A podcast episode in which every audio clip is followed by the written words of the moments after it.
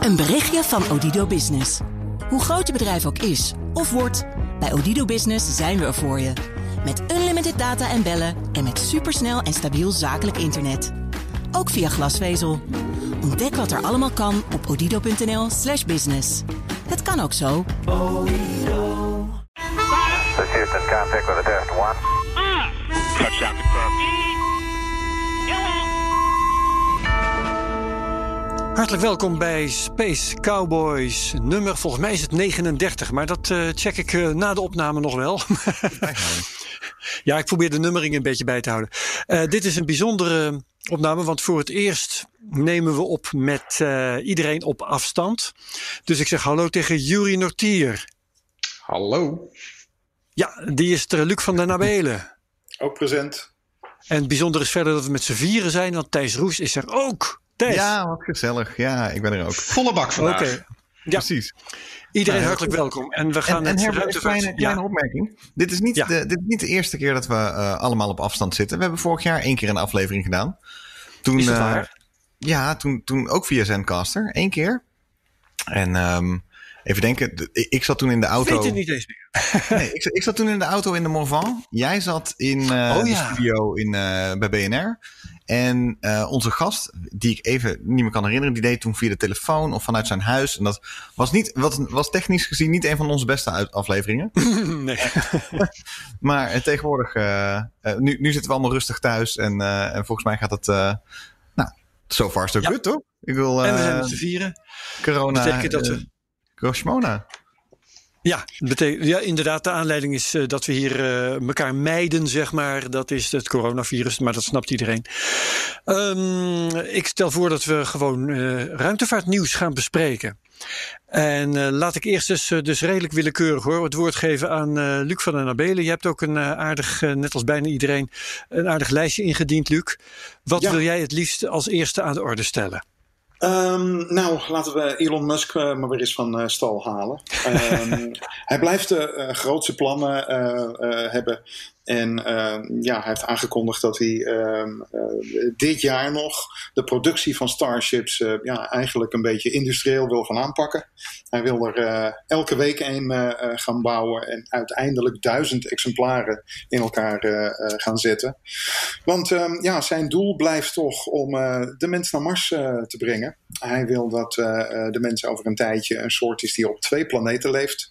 En ehm, hij wil een miljoen mensen op Mars hebben in 2050. Ja, dat heb ik even uitgerekend, Luc. Als ik je eh, kort even mag onderbreken. Als hij dat wil doen, volgens mijn berekeningen, als hij nu begint, moet hij vanaf nu tot 2050 elke week zo'n ding lanceren met 100 mensen erin.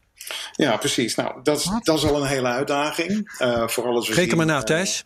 Ja, nee, maar- maar dus, dus nog één keer. Wa- Waarom moet hij er zoveel doen als hij zijn eh, ambities Dat is zijn ambitie, om, om een miljoen mensen op Mars te zetten in 2050.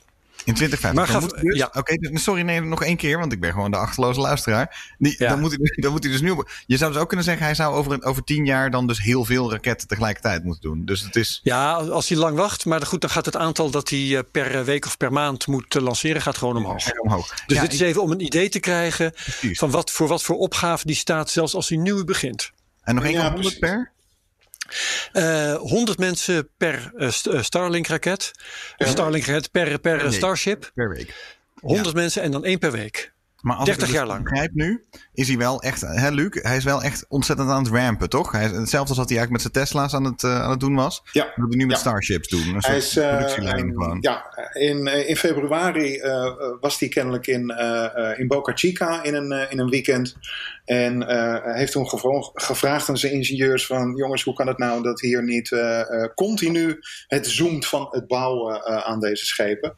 En ehm, eh, toen zeiden de ingenieurs, ja, we hebben niet zoveel mensen. Eh, toen heeft hij dus inderdaad voor elkaar gekregen om ongeveer in één nacht 250 eh, eh, mensen erbij te krijgen. Een verdubbeling van de workforce daar.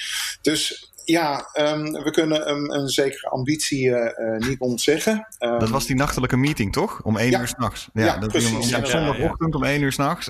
ja, mensen die Dus, eh, eh, rond... wat is hier stil? Wat, wat is hier aan de hand? Ja, mensen die rond middernacht de handtekening onder het contract zetten, moesten de volgende ochtend al, al verschijnen.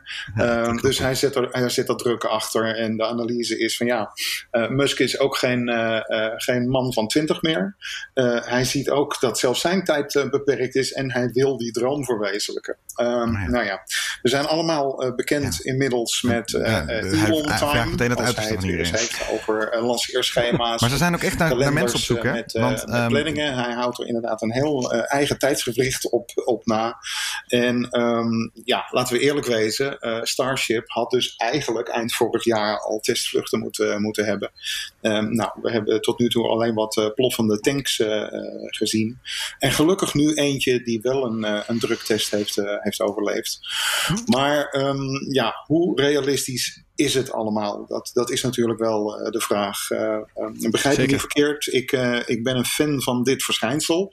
Misschien niet zozeer eh, van, van Musk persoonlijk. Maar eh, ja, het is wel iemand die een enorme visie en drive eh, heeft. En ook nog eens een keertje het geld om eh, een een hele grote impact te kunnen hebben op de bemande ruimtevaart. Ja, en Ja, die ehm, launch van vandaag, hè, dat was, een- de, de, de, zou er eigenlijk een record eh, verbroken worden vandaag. Dat eh, voor de vijfde keer een eh, stage one van de Falcon, Falcon 9 zou eh, landen.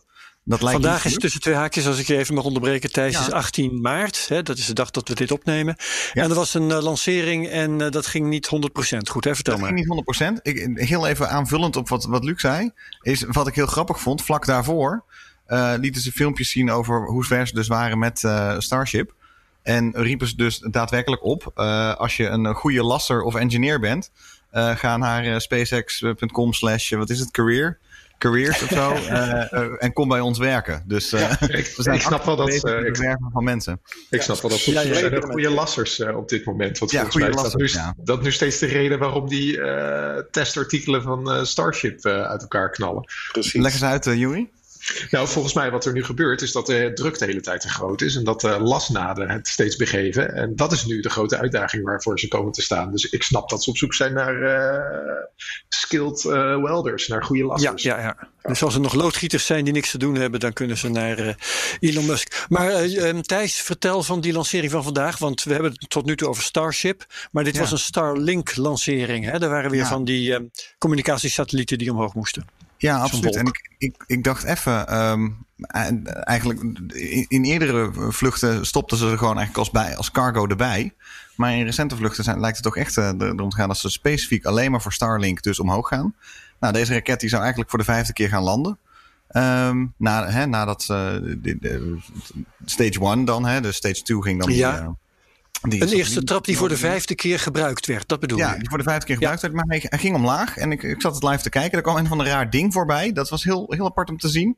Nou, eh, meteen speculatie van he- he- wat was dat voor een ding dat opeens in, in het beeld Mhm. voorbij schoot. Heeft dat er iets mee te maken? Maar het kwam er in ieder geval op neer dat opeens, eh, terwijl eh, die eerste trap de atmosfeer binnenkwam, eigenlijk meteen het, de, het videoscherm wegging. En eh, ja, een minuut of twee later werd eh, bevestigd dat in ieder geval hij niet geland is op de oceaan. Ik denk dat hij op een gegeven moment wel op een manier geland is.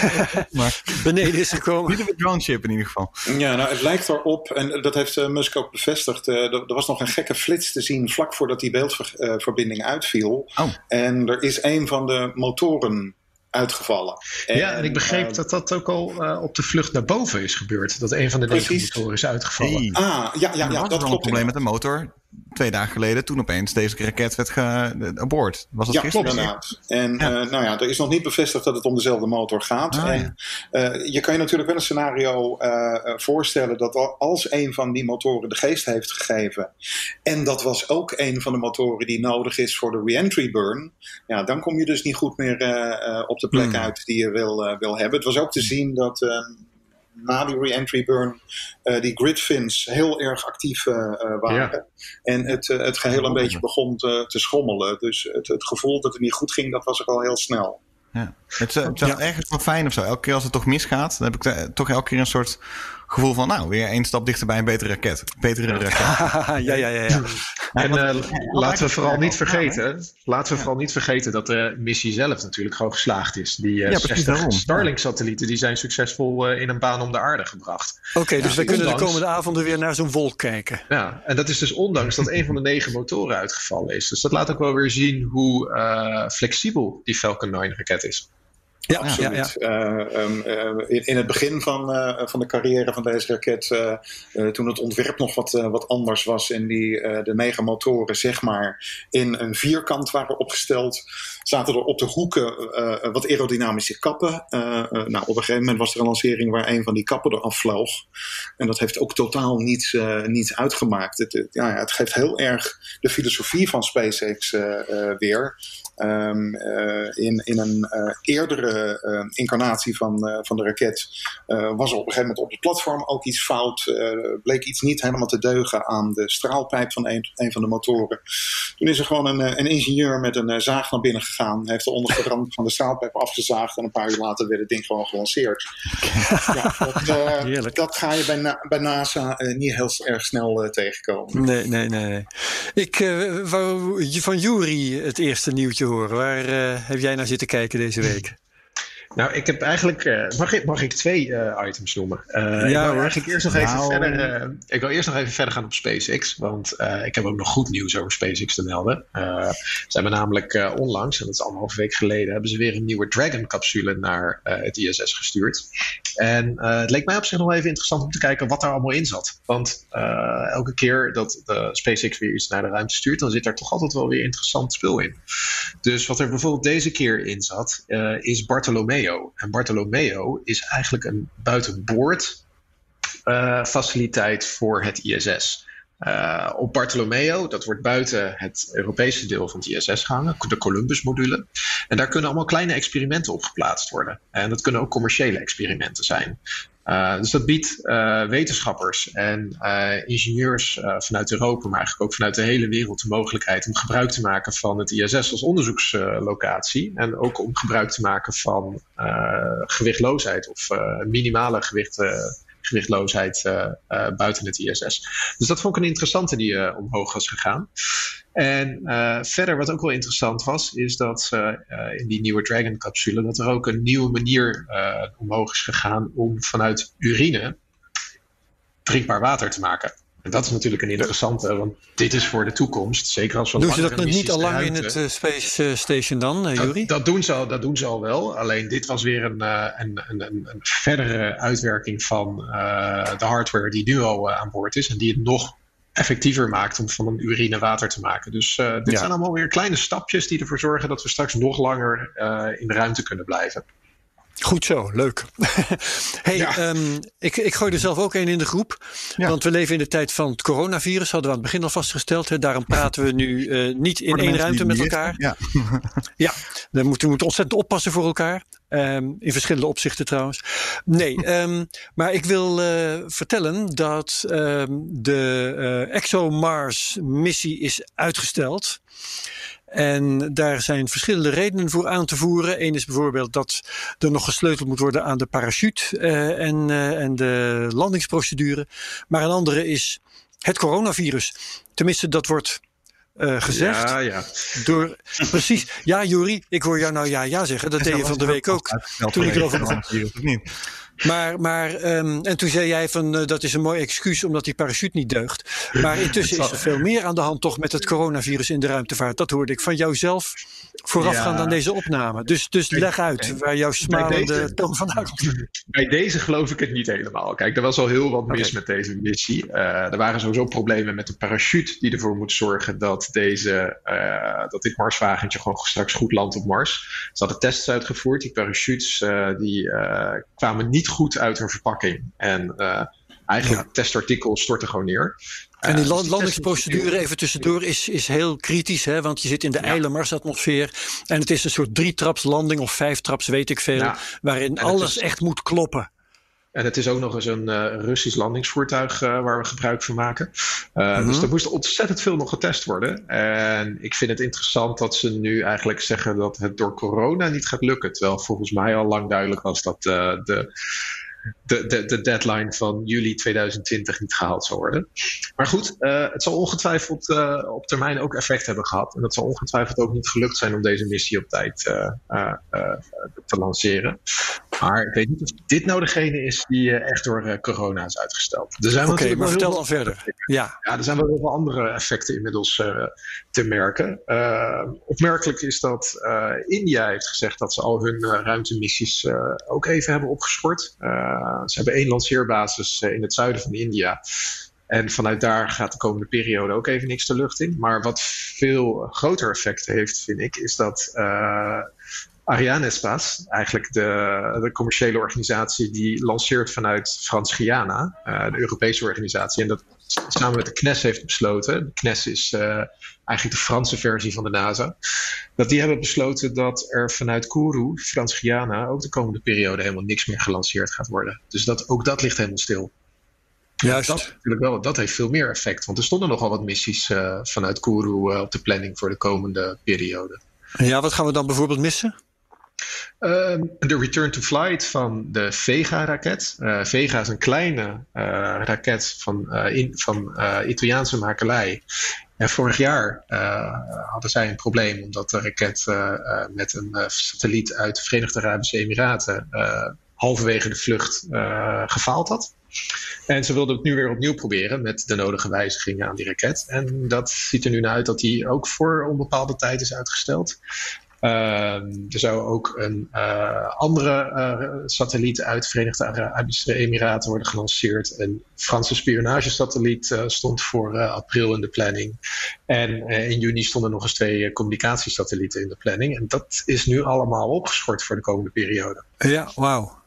Zo. Nou, nou, verbazingwekkend dat... genoeg uh, uh, lijken de, de, de plannen voor bemande lanceringen vooralsnog door te gaan. Ja. Um, Russen zijn wel in verhoogde quarantaine. Alle traditionele bezoekjes aan het Kremlin, het Rode Plein en het huis waar Sergei Korolev heeft gewoond en gewerkt, die zijn geschrapt. ze worden goed weggehouden van iedereen. Um, bij de lancering begin april is ook geen pers meer of toeristen uh, meer, uh, meer welkom. En um, ja, ook in Amerika uh, wordt er natuurlijk voorbereid om de eerste bemande Dragon te gaan lanceren. Ook daar wordt aan alle kanten gevraagd van blijf uit de buurt van de astronauten. hou je afstand ja. en bewaak de quarantaine. Dus ja. nou ja, het, ja. Ehm, Overigens stel je toch voor dat je een coronageval in dat ruimtestation zou hebben. Dat is echt, nou goed. Ja. Precies, ja, dat, uh, dat, dat zou gewoon een evacuatie uh, betekenen. En ja, met uh, het lang onbemand houden van de ruimtestations hebben we over het algemeen niet zulke goede, goede ervaringen. Nee, inderdaad, inderdaad. dus dat willen ze tot elke prijs voorkomen. Wat was Weet je er nog één? Ik, ik, weet wel, er was een Russisch. Uh, Soyuz 7 uh, destijds uh, is, okay. is een tijd onbemand geweest als ik me niet vergis, was dat ook door ziekte van een van de, uh, van de cosmonauten. Die moest toen in ja, terugkeren. Uh, Vasiltin was dat uh, volgens mij, waar altijd allerlei wilde geruchten rondgingen wat hij nou precies had. Um, maar um, er is op een gegeven moment. Ik, je maakt me wel nieuwsgierig hoor, wat voor geruchten gingen daar rond? nou, de, de, geruchten waren dat hij syfilis had. Dus, ah, um, wow. nou, goed. Okay. Uh, inmiddels leeft hij, leeft hij niet meer, dus uh, we kunnen het hem niet meer vragen. Nee. Um, maar uh, Salyut 7 raakte toen inderdaad in, in pannen. Um, verloor zijn, zijn standregeling onder andere. En destijds is er toen een, een, behoorlijk ambitieuze missie gelanceerd met uh, Vladimir Janibekov als, uh, als commandant, die dus inderdaad handmatig heeft gekoppeld aan een uh, niet reagerend, tuimelend ruimtelaboratorium. En nou, dat, dat is een, een, een behoorlijk huzarenstukje uh, geweest. We ja. staan inderdaad in een ijskoud en donker uh, laboratorium binnen. mutsen op, handschoenen aan ja, dus nou ja, zoiets uh, willen we niet, uh, niet laten herhalen. Zeker niet met de International Duidelijk. Space Station. Ja, ja, ja. Ja, wow. Hey Luc, um, was dit jouw tweede nieuwtje of heb je er nog eentje nee, voor ik ons? heb nog, uh, nog, andere, nog andere zaken. Ja, kom maar op. Het is een lange lijst, hè? We hebben nog een lange lijst uh, Ja, te gaan. Ja, we zijn, we zijn nog even bezig. Ja. Je mag nog niet weg, Thijs. Nee, ik wou, ik wou zeggen, Herbert, maar misschien is dit het, uh, het mooie moment om uh, dan even een commercial break te nemen en je andere show te pluggen, waar je aan moest helpen herinneren. Ik dacht dat, dacht misschien is dat een goeie.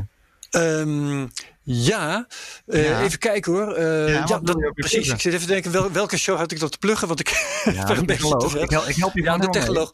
Zeker. Want wij, wij, hebben, uh, we hebben in de technoloog morgen, dat wil zeggen vanaf uh, donderdag 19 maart is die online. Dan luister, hoor je dit later, dan, dan staat hij er al lang.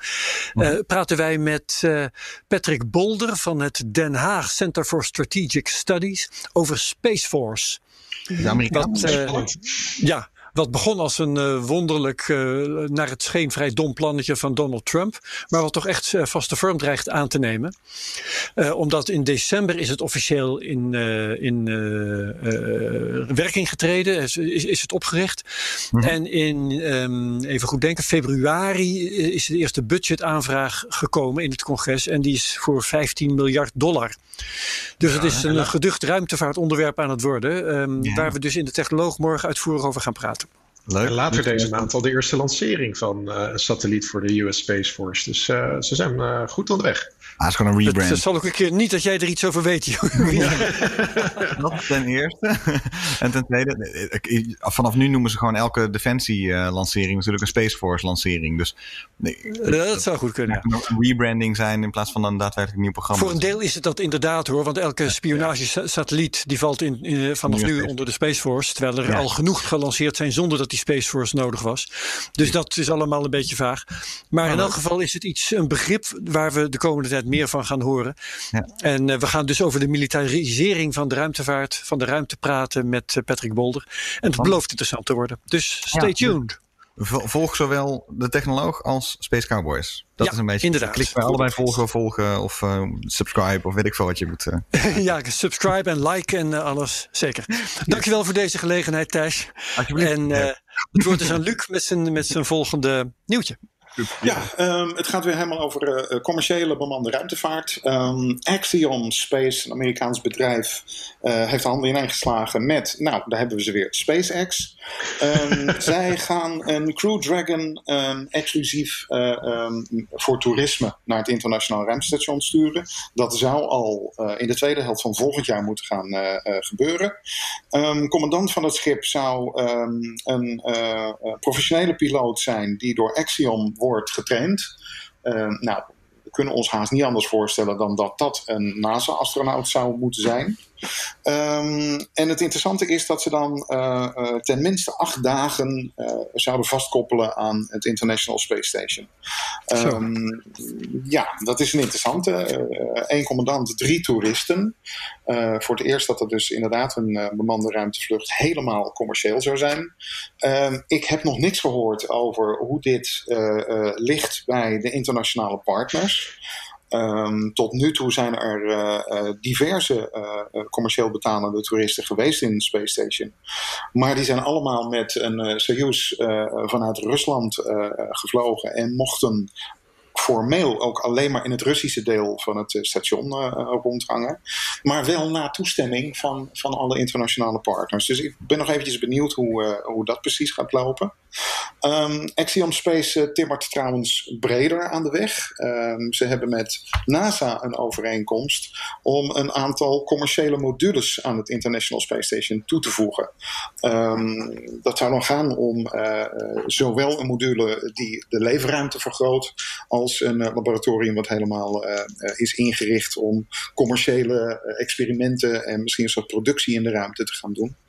En het grappige is dat in, in hun artist impressions uh, drie grote modules uh, aan de voorkant zeg maar, van het ruimtestation zijn toegevoegd. En uh, dat geheel zou zo rond 2024 het geval uh, moeten zijn. Nou, dat is voor zover we nu kunnen zien, kort voordat uh, Space Station wordt, wordt opgeheven. Maar het plannetje van Axiom is om op dat moment hun onderdelen los te maken en een eigen onafhankelijk ruimtestation te vormen. Er zou er nog wel een module worden toegevoegd die voor energievoorziening en koeling zou, zou zorgen. Maar um, ja, dan heb je dus inderdaad een, een, mooie ruimte die door alle geïnteresseerden gehuurd kan worden om wow. aardobservatie of uh, andere experimenten te doen en om al die toeristen naartoe te sturen. Een echte bed and breakfast in de ruimte. Daar, daar komt het een beetje op neer. Nou moet ik wel zeggen dat ik al met al toch een beetje sceptisch blijf uh, over die belangstelling die er uh, zou moeten zijn om op commerciële basis um, experimenten in de ruimte te doen. Um, daar hebben we het eigenlijk al over sinds de jaren 70. Uh, ESA was er destijds uh, mee, mee, bezig om het Columbus ruimtestation uh, te doen, om daar productie en allerlei commerciële activiteiten te ontplooien. En eigenlijk hebben de klanten daarvoor zich nooit gemeld. En nee. ik zie ze nu ook niet echt in de rij staan. Ja, ik zie ze alleen. Je ziet af en toe één klein experimentje meegaan met een Cygnus-capsule of een Dragon-capsule. Uh, was ja. afgelopen dus die uh, Dragon-capsule die anderhalf week geleden aangekoppeld is aan uh, het ISS. Die had bijvoorbeeld een experiment wat gesponsord was door Adidas. Uh, en eerder was er volgens mij ook een experiment om mout te maken aan boord van ISS. Wat gesponsord was door een groot biermerk. en daar blijft het een beetje bij. Daar, het, het, het, is niet meer dan, dan dit kleine grut eigenlijk. Nee, precies. En, ja.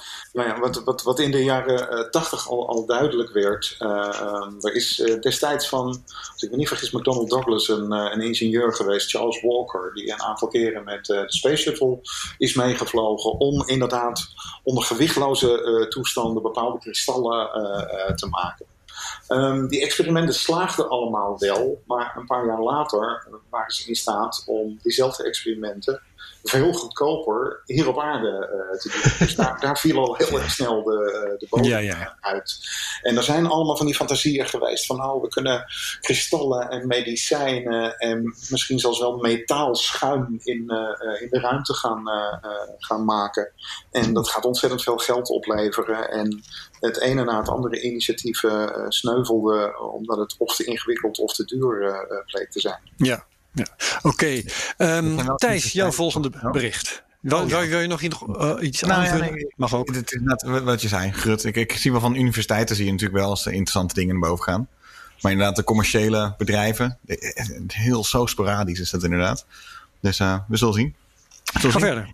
Ja, ik had geen uh, nieuwtje. Ja, ik had wel een nieuwtje. Ik had wel een nieuwtje. Maar een nieuwtje was voor mij eigenlijk meer een aanleiding om gewoon weer eens even in, in, in een onderwerp te duiken. Want we, daar heb ik vaak last van. Dus ik scan het, het, het, nieuws niet zo heel erg. Ik ga heel vaak van die space rabbit holes in. Uh, sowieso een van mijn favoriete. Uh, uh, het gaat trouwens even. Het gaat over Curiosity. Over, die heeft een hele hoge resolutie foto genomen. Ongeveer vandaag. Het ja.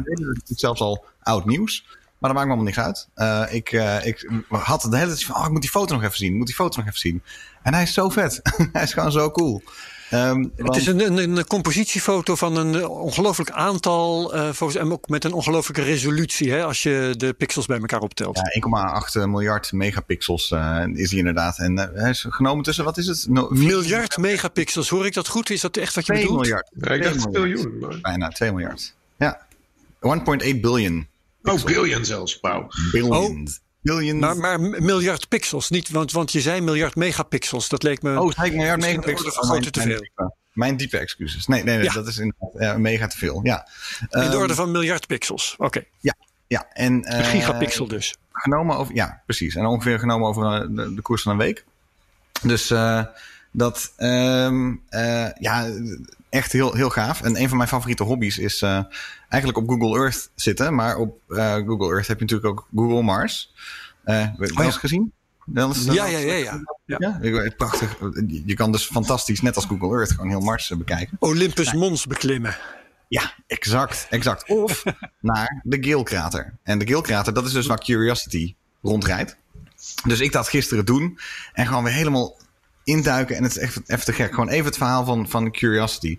Dus die rijdt rond in een krater. Stel je even een krater voor. Niet, niet misschien als je ben je wel eens naar IJsland geweest, de Vesuvius of zoiets. Dan, dan bij ons zijn kraters heel vaak boven op een berg. Hè? Maar dit is dus Ja. een krater midden in de woestijn. Want daar is vier- 3,8 miljard jaar geleden ongeveer een krater of een eh, meteor ingeslagen. Heeft een krater gemaakt waar Nederland ongeveer precies in past. Eh, zo, zo groot is die. En ehm, wat, wat, wat is daar nou gebeurd? Eigenlijk, eh, dat, dat, dat gat was zo diep dat daar grondwater omhoog kwam. Een soort meer zich vormde. En dat was in een periode dat Mars gewoon veel meer eh, ja, weer had. Nat weer. Ja. Ja, En, meer atmosfeer vooral. meer atmosfeer en, en, en het was warmer. En eh, dus het regende er wel eens in, in dat meer, in die krater. Er kwam wel eens smeltwater van andere bergen afgestroomd. Ehm, stel je nu voor, hè, het droogt daar langzaam op in, eh, op Mars. Eh, het, het is waarschijnlijk een half miljard jaar geweest ongeveer dat het daar wat natter was. Het droogt op, de wind gaat er overheen. En oh, sorry, ik ben één stap vergeten. Je hebt dus die, dat meer in, de, in die krater staan. En daar komt natuurlijk sediment. Hè? Oh, sediment, sediment, laagje op laagje op laagje op laagje. Eh, ongeveer een half miljard jaar. Vervolgens droogt het op, de wind gaat er doorheen en schuurt weer door al die sedimentlagen heen. Er is volgens mij ook op een gegeven moment nog weer een nieuwe krater ergens ingeslagen, maar dat, dat, dat zie je ook nog daar. En ja, het is prachtig. Dus Curiosity rijdt eigenlijk nu over al die aardlagen langzaam omhoog, zo. Van laag door laag door laag. En kijkt daar, is daar aan het boren, is daar aan het analyseren. Ze noemen het ook hè, het, eh, eigenlijk het, het Mars Laboratorium, Curiosity. En eh, kijkt dus ook de hele tijd om zich heen. En dus die foto's die daar vandaan komen, die worden dus ook met elke keer nog waanzinniger en waanzinniger. Ehm, eh, als je de details bekijkt ehm, eh, op die foto, op die enorme grote foto, zie je dus de hele route die hij heeft afgelegd. Zo die berg op. Je ziet die andere krater die is neergeslagen. Je kan helemaal zo ver inzoomen dat je gewoon eigenlijk in 360, rond, 360 graden rondkijkt naar alle bergen achter bergen achter bergen. Dus je ziet gewoon, het heeft, het heeft een soort plasticiteit en een soort, soort diepte die, die gewoon anders is dan wanneer je gewoon even een keer een plaatje van Mars Ja. ziet. Wat Ik hoor aan je stem dat, dat je je dan voelt alsof je er bent. Ja, ja je, je voelt alsof je er bent. En het is, Ja. het is gewoon zo'n waanzinnige, zo'n waanzinnige eh, ervaring dat ik ook ik denk van ja, daar moet iedereen gewoon nog even naar die foto kijken. En de grootste is al 2 gig. Ik, ik heb een nieuw kantoor, de internetverbinding is hier niet eens fantastisch. Die, die, die vloog eruit, dus ik heb de echte allerhoogste 2 gig. Ik heb het nog niet eens kunnen zien, moet je nagaan. Moet het met een JPEG van 100 megabyte doen. Echt, hoe loserig was dat? Maar eh, dus die, die 2 gigabyte TIFF, die moet nog mijn computer op. Maar ik ben gewoon ik ben gewoon ontzettend fan van dat hele Curiosity-programma. programma. En Ja. ehm, eh, als, als mensen ooit weer eens even zich hoopvol willen voelen, voelen over de ruimtevaart. Niet alleen die, die grote eh eh, pixelfoto gaan bekijken, maar ook de landing zelf van Curiosity. En wat er op dat moment in Mission Control gebeurt bij NASA. Is, is zo'n prachtige film. Ja, zo'n mooi, mooi moment in de menselijke geschiedenis eigenlijk. Dat je, waar je daar op dat moment naar zit te kijken. Ja. Ehm, de, de spanning is zo voelbaar. Dat het, het was zo'n. Ik heb het gisteravond weer helemaal zitten kijken. Het is zo'n heerlijk, heerlijk stukje tv met zo'n ontlading. Dat, eh, ik wilde het even laten horen, maar ik realiseerde me dat als ik dat nu laat horen, dan echoot de hele boel bij elkaar. Oké. Nou, we, we maken wel een link. We maken Ja, wel een we link in de show notes. Thijs, ja. over een halfjaartje mag je weer, hè? What, what's up? What's up? Nou, eh, van de zomer eh, gaat er een eh, kopie van Curiosity gelanceerd worden. Perseverance heet die inmiddels. Ja. En eh, die gaat naar een andere plek op Mars. En dan krijgen we dezelfde soort landing. Ah, ja, ja. Nu snap ik het, want ik zag al iemand rondlopen na de lancering van Curiosity in een hal met een ding dat er bijna uitzag als, als Ja, dat, is, Curiosity. dat, dat is Perseverance. Nou, en het leuke, van, het leuke van Perseverance is dat hij ook een drone meeneemt. En Wauw. we, gaan dus voor het eerst, we gaan dus eerst voor het eerst rondvliegen op Mars. Gehoord, ja, daar komt een drone. Nou ja, Ja, ja, ja. Kijk, wat, voor- wat voor een drone is het met propellers? Eh, volgens mij klein, ja, volgens mij met propellers. Een klein drone en het is meer. Ja, wordt moeilijk in die dunne Marsatmosfeer. hè. Ik ben heel benieuwd hoe dat gaat werken. Ja, dat is, het, dat is het experiment. Want ja, ja. ja. het bizarre van, eh, van Curiosity is ook die landing. Hè? Dus, dus Opportunity bijvoorbeeld, die, eh, die, die kwam eerst met een parachute aan en dan vervolgens in een soort airbags, bouncing ball, bounced Ja. die dan over het landschap. En eh, Curiosity, en ik weet niet hoe Perseverance het dan doet, maar die... Eh, Skycrane. Skycrane, ja. Dus de, de- de- eh, hij komt Oh ja. Oh ja. Bizar. Gewoon dus, dus je schiet iets zeven maanden richting Mars. En dan, dan binnen zeven minuten moet het goed gaan. Terwijl het, eh, de, de afstand tot Mars is ongeveer wat 14 minuten of zo. Dat, En, dus- en een skycrane, voor wie het niet weet, dat is eh, dat- dat je gaat hoveren. Hè, met, met raketmotoren dus ga je stilhangen en dan, dan takel je iets naar beneden. Precies. Dus hij komt aan, eh, parachute, dan eh, het hitteschild eraf. En dan komt er dus inderdaad met raketten eh, inderdaad ja, zwevend ding. En daar komt dan dus een, aan kabels komt Ja, dat ding het is, uit. het is je Rijnse Thunderbird. komen, ja. Bizar. Bizar. Ja, en dat En- ding dat, dat eh, hem laat zakken, moet dan Mhm. ook weer op tijd wegvliegen. Want anders valt hij er bovenop. Hè? Dus dat, ook dat deel moet dan nog goed gaan. En het, is- het, is, ik- het, het, het zijn beide van die, van die dingen, zowel die bouncing balls als die eh, skycrane. Dat ik echt denk van, als mensen dat voorstellen in een, in een, in een vergadering, dan denk je, je gast, je bent niet goed wijs. Maar het bizarre is dat ze het niet alleen gemaakt hebben, dat het ook nog die kant op is gestuurd. Dus we, hebben- we hebben nog Curiosity, we, er komt nog Perseverance. Dus wie, who needs ExoMars, denk ik dan. Dus ja, stay tuned. Ik bedoel, het is dus niet alleen heel tof om er gewoon bij te zijn terwijl het gebeurt. Het is ook, als je, als je achterom kijkt en kijkt hoe zo'n missie gegaan is en wat er allemaal niet omhoog gekomen is. En met alle high-res informatie erbij. Is Ja. ook zo vet. Dus het, het, het terugkijken is net zo vet als het meemaken. Nou, Schitterend. Eh, we gaan naar Jury voor eh, het volgende bericht. Ja, ik heb afgelopen maandag eh, zachtjes gevloekt. Oh, vertel. Nou, zoals jullie weten, ik, eh, ik ben groot fan van het Chinese ruimtevaartprogramma. En eh, China is op dit moment bezig om hun oude raketten, gebaseerd op techniek uit de jaren 70 en vol met zeer giftige brandstof, om die langzaam uit te faseren. En daarvoor hebben ze een nieuwe serie aan raketten. Eh, eh, eigenlijk zijn ze mee bezig om die eh, te testen. Lange Mars 5, Lange Mars 6, eh, Lange Mars 7 en Lange Mars 8. En die moeten eigenlijk alle oude modellen gaan vervangen. Nou, die Lange Mars 5, daar hebben ze al wat problemen mee gehad. Maar die had vlak voor de jaarwisseling weer een succesvolle vlucht. Alleen maandag wilden ze een nieuwe versie lanceren, namelijk de Lange Mars 7A. En die zou vanuit de zuidelijke lanceerbasis, eh, helemaal in het zuiden van China, zou die gelanceerd eh, gaan worden. En dat zag er in eerste instantie prima uit. Alleen ergens, toen de tweede trap eh, bezig was, plofte er iets in de lucht en is de hele missie mislukt.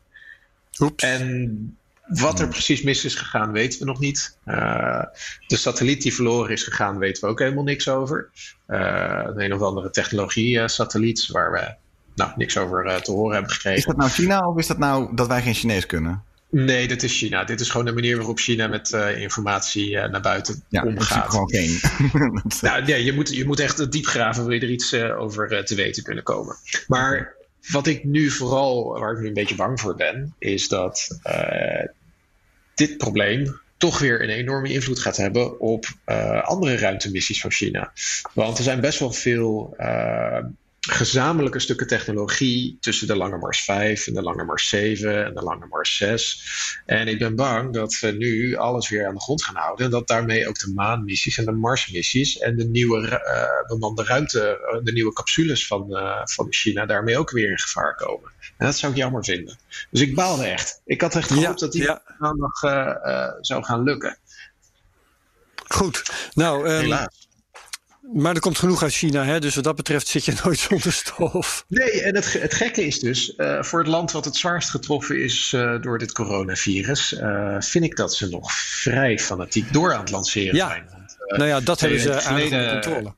Twee weken geleden is er nog een nieuwe navigatiesatelliet gelanceerd. En voor de komende periode staat er ook weer het een en ander op de planning. Het is een beetje afhankelijk van eh, hoe groot het probleem rond deze mislukte lancering is. Maar eh, Mhm. het ziet er eh, druk uit voor China.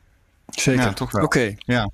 Hey, dan geef ik mezelf even het woord voor mijn volgende punt. Eh, Mhm. we, we hadden ExoMars dat op een laag pitje stond. Er gaat nog meer op een laag pitje. En dat is eh, een van onze favoriete onderwerpen, volgens mij Voyager 2. Ja, wat Die gaat op een laag pitje, omdat eh, de eh, radiotelescoop die gebruikt moet worden, die essentieel is om dat ding eh, onder controle te houden en om ernaar te luisteren, in Canberra, Australië, die moet geüpgrade worden. Die is zelf namelijk zoveel een 40 jaar oud. Oh, en die is hard aan een- Ja. Die die is hard aan een onderhoudsbeurt toe. Maakt onderdeel van het NASA Deep Space Network. Ja, precies. Maar weet je wat het geval is? Ehm, Voyager 2 is eh, in het zuidelijke deel van, van de hemel beland. Ja. En die kan dus eigenlijk alleen maar vanuit Canberra bediend worden. Dus dan hebben ze ervoor gezorgd dat Voyager in een toestand eh, terechtkomt dat hij, eh, ik geloof, elf maanden lang gaat dat duren. Dat hij min of meer zichzelf kan redden en nog wel data naar de aarde kan sturen. Maar hij kan dus elf maanden lang niet eh, gecommandeerd worden vanaf de aarde, omdat die telescoop buiten bedrijf is. Nou, dat is ook eigenlijk het zoveelste huzarenstukje rondom die Voyager. Dat ze dit ook weer eh, voor elkaar weten te krijgen. Terwijl Voyager dus onlangs ook nog eens buiten bedrijf is geweest vanwege ehm, een stroomprobleem. Hè? Er was eh, eh, een, een probleem in de energievoorziening aan boord. Dat hebben ze opgelost. En nu dit. Eh, en daarna, over elf maanden, dan gaat hij gewoon weer verder met, eh, met eh, opereren. Ja, Nou, ze het zijn is nog steeds waanzinnig bang project. dat- Ja, ze zijn nog steeds bang dat, eh, dat, eh, dat die ja, 2025 ongeveer zonder stroom komt te zitten. Ja, nou dat is min of meer een zekerheid, hè, als ik goed begrijp. Het is meer een zekerheid, zeg je. Ja, ja. Nou, ik ben dus heel benieuwd als ze hem dus nu elf maanden stilzetten. Of hij dan dus eh, elf maanden langer mee kan. ik bedoel, Nee, nee, eh, nee. Hij blijft gewoon in bedrijf. Hij blijft waarnemingen doen en hij blijft ze ook naar de aarde sturen. Maar Mhm. ze kunnen niet van de aarde, weet ik veel, eh, de software upgraden of dingen doen met betrekking tot de besturing. Dat gaat hij allemaal zelf doen de komende tijd. Ah, oké, ja, ja. En ehm, ja, ik heb toen anderhalf jaar geleden of zo nog eens een keer geprobeerd om bij dat Deep Space Network binnen te komen bij, eh, in Californië. Want in Californië staat dus een eh, staat zo'n dish en in Spanje, als ik me niet vergis, en dan dus in Australië. En eh, vanuit die drie punten kan je dus zien waar de contact mee is. Het is ook een hele leuke website. Kan je ook altijd zien waar het Deep Space Network contact mee heeft. Oké, Eh, ja. toch het internet van ons zonnestelsel is dat. Dat is echt zo gaaf. ja, ja, ja, ja, ja, leuk. Ja, je kan altijd zien wel- welke, eh, de- de zat, welke telescoop aan het. eh, nee, hoe zeg je het? Welke satelliet aan het. nee, welke schotel aan het downlinken is. Dat is het. eh, ja. Oh ja. Dus het is heel grappig. Je ziet dan echt zo van: oké, hij is nu met Voyager aan het praten. Of met New Horizons. Of met zulke soort. echt ver, Prachtig. van die ver weg dingen. Ja, het is heel mooi. Ja. ja, Maar wanneer gaat hij gaat hij uit? Ehm, oh, dan vraag je me weer een eh, detail. Ik, ik heb de. Ja, binnenkort. Even, even kijken of ik het kan vinden heel snel. Eh, voor de next year of zo. Bla bla bla bla. Ehm, ik zie het niet direct. Nee, geen probleem. De, de Voyager 2 was grappig genoeg de eerste die buiten de heliosfeer was. Hè? Dus eh, hij mag dan 2 heten. Ja. Hij, was, hij, is, hij is sneller naar buiten gegaan. Dus eh Voyager 1 staat nog wel aan. Hè? Er zijn er echt twee. Ja, Precies, ze doen het allebei nog. We doen het allebei nog. Absoluut Briljant. briljant. Ja. Na 40 jaar of zo. Ehm, ik stel voor dat we nog één rondje doen. Eh, om het af te leren kan iedereen selecteren wat hij het belangrijkste onderwerp vindt. Want we zijn 40 minuten bezig intussen. Ah, ik heb niks. Ik klep, er gewoon, ik klep gewoon lekker mee. ja, precies. Nou, eh, Luc, jouw eh, belangrijkste ehm, onderwerp van wat je nog hebt staan. Eh, ja, eh, dat is ook niet echt gigantisch een nieuwtje. Maar ik vond het opmerkelijk. Ik kwam het eh, kort geleden tegen en ik had er nog nooit van gehoord. Ehm, Nederland is aan het bouwen aan een ruimtevliegtuigje. En dat, eh, eh, dat doen ze samen met eh, Nieuw-Zeeland. Ehm, de combinatie heet Dawn Aerospace. En eh, hun missie omschrijven ze als Fly to Space Twice a Day. Nou, dat willen ze dan inderdaad gaan doen met een klein ruimtevliegtuigje. Eh, tot nu toe hebben ze tests gedaan met, nou, zeg maar, een veredeld radiografisch bestuurd raketvliegtuig. Daar kan Elon Musk dan een punt aan zuigen. Twee keer per dag. Dat heeft hij nog niet. We bedoelen maar. Maar ehm, het gaat hier wel om een, een veel kleinere schaal. Eh eh, Dawn Aerospace eh, schijnt bekend te zijn om, vanwege hun standregelingssystemen die voor CubeSats worden, worden gebruikt. En het ruimtevliegtuigje wat ze uiteindelijk willen ontwikkelen is ook bedoeld om CubeSats naar de ruimte te vervoeren. Ehm, nou, zoals gezegd, dat, dat kleine testvliegtuigje hebben ze gedaan. wat operationele dingen getest, snel kunnen tanken en opnieuw kunnen vliegen. Ze zijn op het ogenblik bezig om een wat groter toestel te bouwen, wat suborbitaal moet, eh, moet kunnen eh, vliegen. En vervolgens, en de start van dat toestel zou dit jaar moeten gaan, eh, gaan beginnen, om een wat groter machine te bouwen die eh, inderdaad satellietjes in een baan om de aarde kan, kan afleveren. Maar is dan nog niet helemaal duidelijk of dat vliegtuig in een baan om de aarde komt, of dat ze daar nog eh, een, een kickstage voor eh, eh, gebruiken. Maar Ja. ehm, ja, ik, ik, ik vond een heel, eh, een heel grappig iets wat eh, eh, niet ontzettend bekend is in, eh, in Nederland. Nee. Ja, leuk. het eh, dat, dat ESA erbij betrokken is, de TU Delft en eh, de Netherlands Space Office. Dus eh, dat is in ieder geval iets om, om ook nog in de gaten te houden. Ja. we in de toekomst nog wel eens gasten, Herbert? Jury? Ehm, in principe niet, maar dus er is niks in steen gebeiteld hoor. nee, precies. Dus je weet nooit eh, wie we nog eens een keer eh, aan de telefoon of zo kunnen krijgen. Wie weet, wie weet. Daar moeten we het maar eens over hebben met z'n vieren. Ja. Precies. Oké, ja, leuk. Thijs? Ik, ja, ik snap niet. Dus het, het gaat er dus om, om een soort vliegtuigje. Eh, en, en ja, je, ik, ik kan me die van Virgin voorstellen. Hè, dat hij dus als het ware als een normaal vliegtuig opstijgt. En dan met een soort raket, raketje nog omhoog gaat. Maar dat je echt iets in een baan om de aarde zou kunnen krijgen. Via een soort vliegtuigmanier. Dat ken, ken ik niet. Dus Nee. Dat, eh, de Verenigde Staten heeft dat eh, op dit moment met eh, de X-37B. Dat is eigenlijk een eh, mini-versie van de Space Shuttle. Oh Ja. ja, dat, dat staat niet mee. Die eh, lanceren ze op een raket en eh, die wordt er vervolgens in de baan om de aarde gebracht. En kan dan vanuit die positie allemaal kleine missies uitvoeren of andere kleine satellietjes eh, eh, lanceren vanuit. En dat ding van Richard Branson zou ook zo werken toch? ja, precies. Dat is ja, ja, ja, klopt. En eh, ik heb eh, begrepen dat China in april ook een eh, kleine ruimtevaartuigje gaat eh, lanceren, wat eh, eh, ook weer terug naar aarde kan komen. Dus dat is eigenlijk misschien wel een kopietje van de X-37B. Eh, Oh. Nog weinig over bekend, maar ergens in april zou dat gelanceerd moeten gaan worden. Dus eh, laten we kijken wat dat wordt. Hm, Oké. De interessante Chinees jaar, Ja. Jury, jouw laatste bericht. Ja, het kan bijna een eh, wekelijks of twee wekelijks item worden. Gerommel rond Artemis.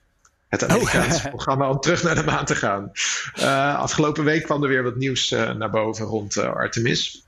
De eerste heeft te maken met SLS. Blijkt toch weer een stukje duurder te worden dan, eh dan No in kidding. eerste instantie begroot. Altijd met twee dingen. Of het is vertraagd of het is nog duurder. Dat is- Nee, de- Ja, deze ja, week ja. is het dus eh, Aan de beurt aan, eh, aan dat het duurder is geworden. Eh, ze hebben namelijk uitgerekend dat tot en met 2023, dus dat is nog exclusief het landen naar de maan. Dus dan heb je het alleen over Artemis 1, de testvlucht, en Artemis 2, de eerste bemande vlucht om de maan heen. Dat het hele programma voor alleen SLS al 23 miljard gaat kosten. En dat is wel echt een stuk meer dan dat het in eerste instantie begroot was. 23 miljard. Puur alleen voor de raket. Exclusief eh, eh, Orion-capsule. Exclusief de lander naar de maan. Alles wat Ja. er omheen zit. En Jury, in deze context verwacht ik eigenlijk ook dat iemand een keer corona roept. Gaat dit allemaal Ja. wel eh, zonder hikken door? Eh, en trouwens Nou, ook het toe- instorten van de economie gaat dat op de budgets geen, geen invloed hebben. Maar vertel tot, eens. tot nu toe nog niks over bekend. Tot nu toe gaat Nee. het gewoon door zoals het eh, zou moeten doorgaan. Maar er is wel ook weer een andere wijziging in de strategie eh, naar boven gekomen. We hebben namelijk een nieuwe directeur van bemande ruimtevaart bij, eh, bij NASA. Mhm. En die heeft eens goed gekeken naar welke aspecten er nou wel en niet nodig zijn om uiteindelijk in 2024 te kunnen landen op de maan. En een van de aspecten waar NASA altijd eh, zwaar aan tilde, was dat eh, astronauten, voordat ze naar de maan zouden moeten gaan, eerst nog bij de Lunar Gateway langs moesten gaan. Oh, Lunar ja. Gateway is eigenlijk een soort van mini-ruimtestation in een baan om de maan. Ja, waarvan iedereen zich afvraagt of het nodig is. Nou ja, en deze nieuwe eh, bemande ruimtevaartdirecteur die heeft dus eh, eh, de nodige analyses uitgevoerd en is tot de conclusie gekomen dat het een stuk haalbaarder wordt om in 2024 te landen op de maan als ze niet gebruik maken van Gateway. Precies. Dus die gateway is, gaat, wordt nog steeds ondersteund. En het is natuurlijk ook een internationale samenwerking. Maar hij is niet meer van eh, groot belang om te kunnen landen op de maan. Latere, op latere tijdstippen willen ze wel via de gateway naar de maan gaan. Maar voor de eerste landing, zeggen ze, hebben we de gateway niet nodig. En als de gateway dus vertraagd wordt, betekent dat dus niet dat automatisch ook de landing, eerste landing op de maan in 2024 vertraagd wordt. Dus ze hebben het eigenlijk van elkaar losgekoppeld en op die manier de risico's geprobeerd te beperken. Oké, dat is interessant. Mooi. Ja. Ehm, Ja. Ik heb een uitsmijter. Wat wou je zeggen, Thijs? Want je zit duidelijk hard op na te denken. ja, dat hele, dat hele Ar- Artemis is dan nog wel op dat moment. Het, ze hebben zichzelf zo'n enorme ambitie geplaatst. Met een, eigenlijk een raket die al de hele tijd problematisch is. Dat je echt denkt van ja, voor wie of wat zijn ze dit nu eigenlijk aan het doen als het, als het zo'n. Ze, ze maken zichzelf veel te moeilijk. Dat is een beetje de. Ja, nou ja, de, de achtergrond van, van, dit, van bijna al die grote projecten is dat een president eh, op, op een gegeven moment iets te roepen moet hebben. Dat was in dit geval dus Trump. En eh, wat ze gaan doen wordt daarbij aangepast. En dat is de makker van eh, heel veel ruimtevaartprojecten van Amerika van de laatste tijd. Ja, en let wel, uh, we, hebben, we hebben nu een SLS die uh, vrij hard onderweg is. We hebben een Orion-capsule die uh, bijna af is. Maar we hebben nog steeds geen idee wie de, lander, de lander die uiteindelijk op de maan moet gaan komen, wie die gaat bouwen. Jeff Bezos. Ja, zou kunnen. Dus even, even, nee, was een van de mensen die. die, die dus eind vorig jaar is er een ronde geweest waarin bedrijven in Amerika hun uh, ideeën konden indienen. En uh, Blue Origin van Jeff Bezos was daar een van de, een van de aanmeldingen. Boeing natuurlijk ook. Die hebben ook een uh, aanmelding gedaan. en misschien SpaceX. Is nog niet bekend. Heeft SpaceX nog niet officieel uh, op, uh, op gereageerd. Maar het is dus nog helemaal niet bekend wie dat gaat bouwen. Het is nog niet bekend voor welke prijs. En uh, het is ook nog niet bekend hoe die hele infrastructuur er dan uit komt te zien. Dus dat is best wel een issue als je in 2024 al wil gaan landen op de maan. Ja.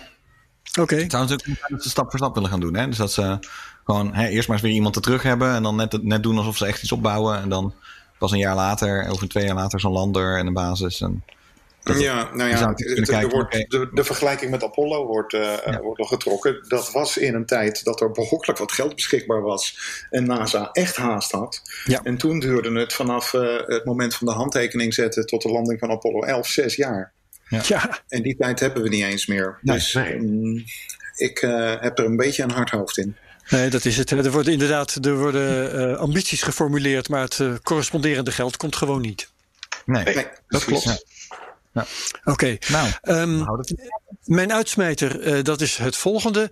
Uh, dat is een uh, video die ik tegenkwam en die dus in de show notes terechtkomt, want het is iets wat je echt niet moet missen. Um, een video van Saturnus die stukje bij beetje achter de maanschijf vandaan komt. Dat ja. is kort geleden gebeurd. Dat is vastgelegd door een amateurastronoom. En uh, dat is op zich al mooi genoeg dat je dat uh, in, met een waanzinnige, het is echt bewegend beeld. Hè? Ja, hij mocht zich in één keer een professional noemen. Dat was, uh... je, ja, je ziet, hem, je ziet Saturnus dus geleidelijk aan tevoorschijn komen aan de linkerkant van die maanschijf. Dus dat is al leuk. En ik zag dat in de vorm van een tweet. En de, de, ik kijk dan altijd naar reacties. Hè? En in dit geval was het zo verschrikkelijk grappig. Omdat um, heel veel mensen die daarop reageerden, die hadden iets van, ja, mijn fopje niet. En zeiden, obviously fake. en dat was het dus niet. En dat kwam vooral omdat veel mensen de indruk kregen, je moet maar eens kijken als je die video ziet, die kregen de indruk dat um, de pretentie was dat deze video geschoten was vanaf de maan. Zo opgeblazen was die maanschijf. Die maanschijf die was bijna recht, die was bijna niet gekromd. Dus het leek gewoon een horizon. En daar kwam dan Saturnus achter vandaan. Dus veel mensen dachten, iemand doet alsof deze video op de maan is gemaakt. Dat was helemaal niet zo. Niemand deed alsof dat zo was. Maar zo bijzonder was die video dat het daar een beetje op leek. Ja, en, maar het was dus wel degelijk een echte video uh, die gemaakt is met een echte telescoop vanaf de echte aarde door een echte amateurastronoom. En je moet hem echt zien. Ja, en bovendien, als je kijkt naar wat um, Elon Musk zei toen hij zijn, uh, zijn Tesla de ruimte inschoot. die zei, toen zei hij: You know it's real because it looks so fake. ja. ja, niemand zou dit als fake durven te presenteren. Want ja, nee, nee, niemand zou het geloven. Het zou heel raar zijn als, als dit filmpje, wat echt heel grappig is. Je ziet ook de atmosfeer gewoon een beetje trillen zo van de, van de aarde. Uh, waardoor het beeld niet helemaal perfect is. Het is gewoon het ziet er zo raar uit dat je gewoon weet van ja, als iemand het zou willen neppen, dan zouden ze het veel glitzier, veel, mooier of zo. Ja, ja, ja, klopt. Ja, heel anders hebben gemaakt. Ja, nee. ja mensen. Hè? Briljant. Iedereen nog even een slotwoord. Luc. Um, uh, doe voorzichtig, hou elkaar in de gaten. Want er zijn dingen die zelfs belangrijker zijn dan ruimtevaart. Dat vind ik een hele mooie. Thijs. Ja, wat, wat, wat heeft de mens daar nog aan toe te voegen? Maar inderdaad, uh, blijf binnen en uh, welkom in de Matrix, mensen. Dat is, uh, gaan we allemaal online. en dan gaan we daar wel doen. Juri. Jeetje, nou, ik hoop eerlijk gezegd dat we de komende periode niet nog meer uh, uitstel van uh, ruimtevaartmissies gaan zien. En dat ja. uh, bijvoorbeeld de Marsmissies die voor dit jaar gepland zijn niet uitgesteld gaan worden. Maar ja, aan de andere kant, mensenlevens zijn belangrijker dan Marsmissies. Dus Zo is dat. Moet, dan moet het zeker gebeuren. Oké, ik bedank Luc van der Nabelen, Thijs Roes, Juri Nortier. Uh, mijn naam is Herbert Blankenstein. Dit was Space Cowboys voor 18 maart 2020. En we zijn er over twee weken weer. Iedereen voor het luisteren bedankt en tot de volgende keer. Dag.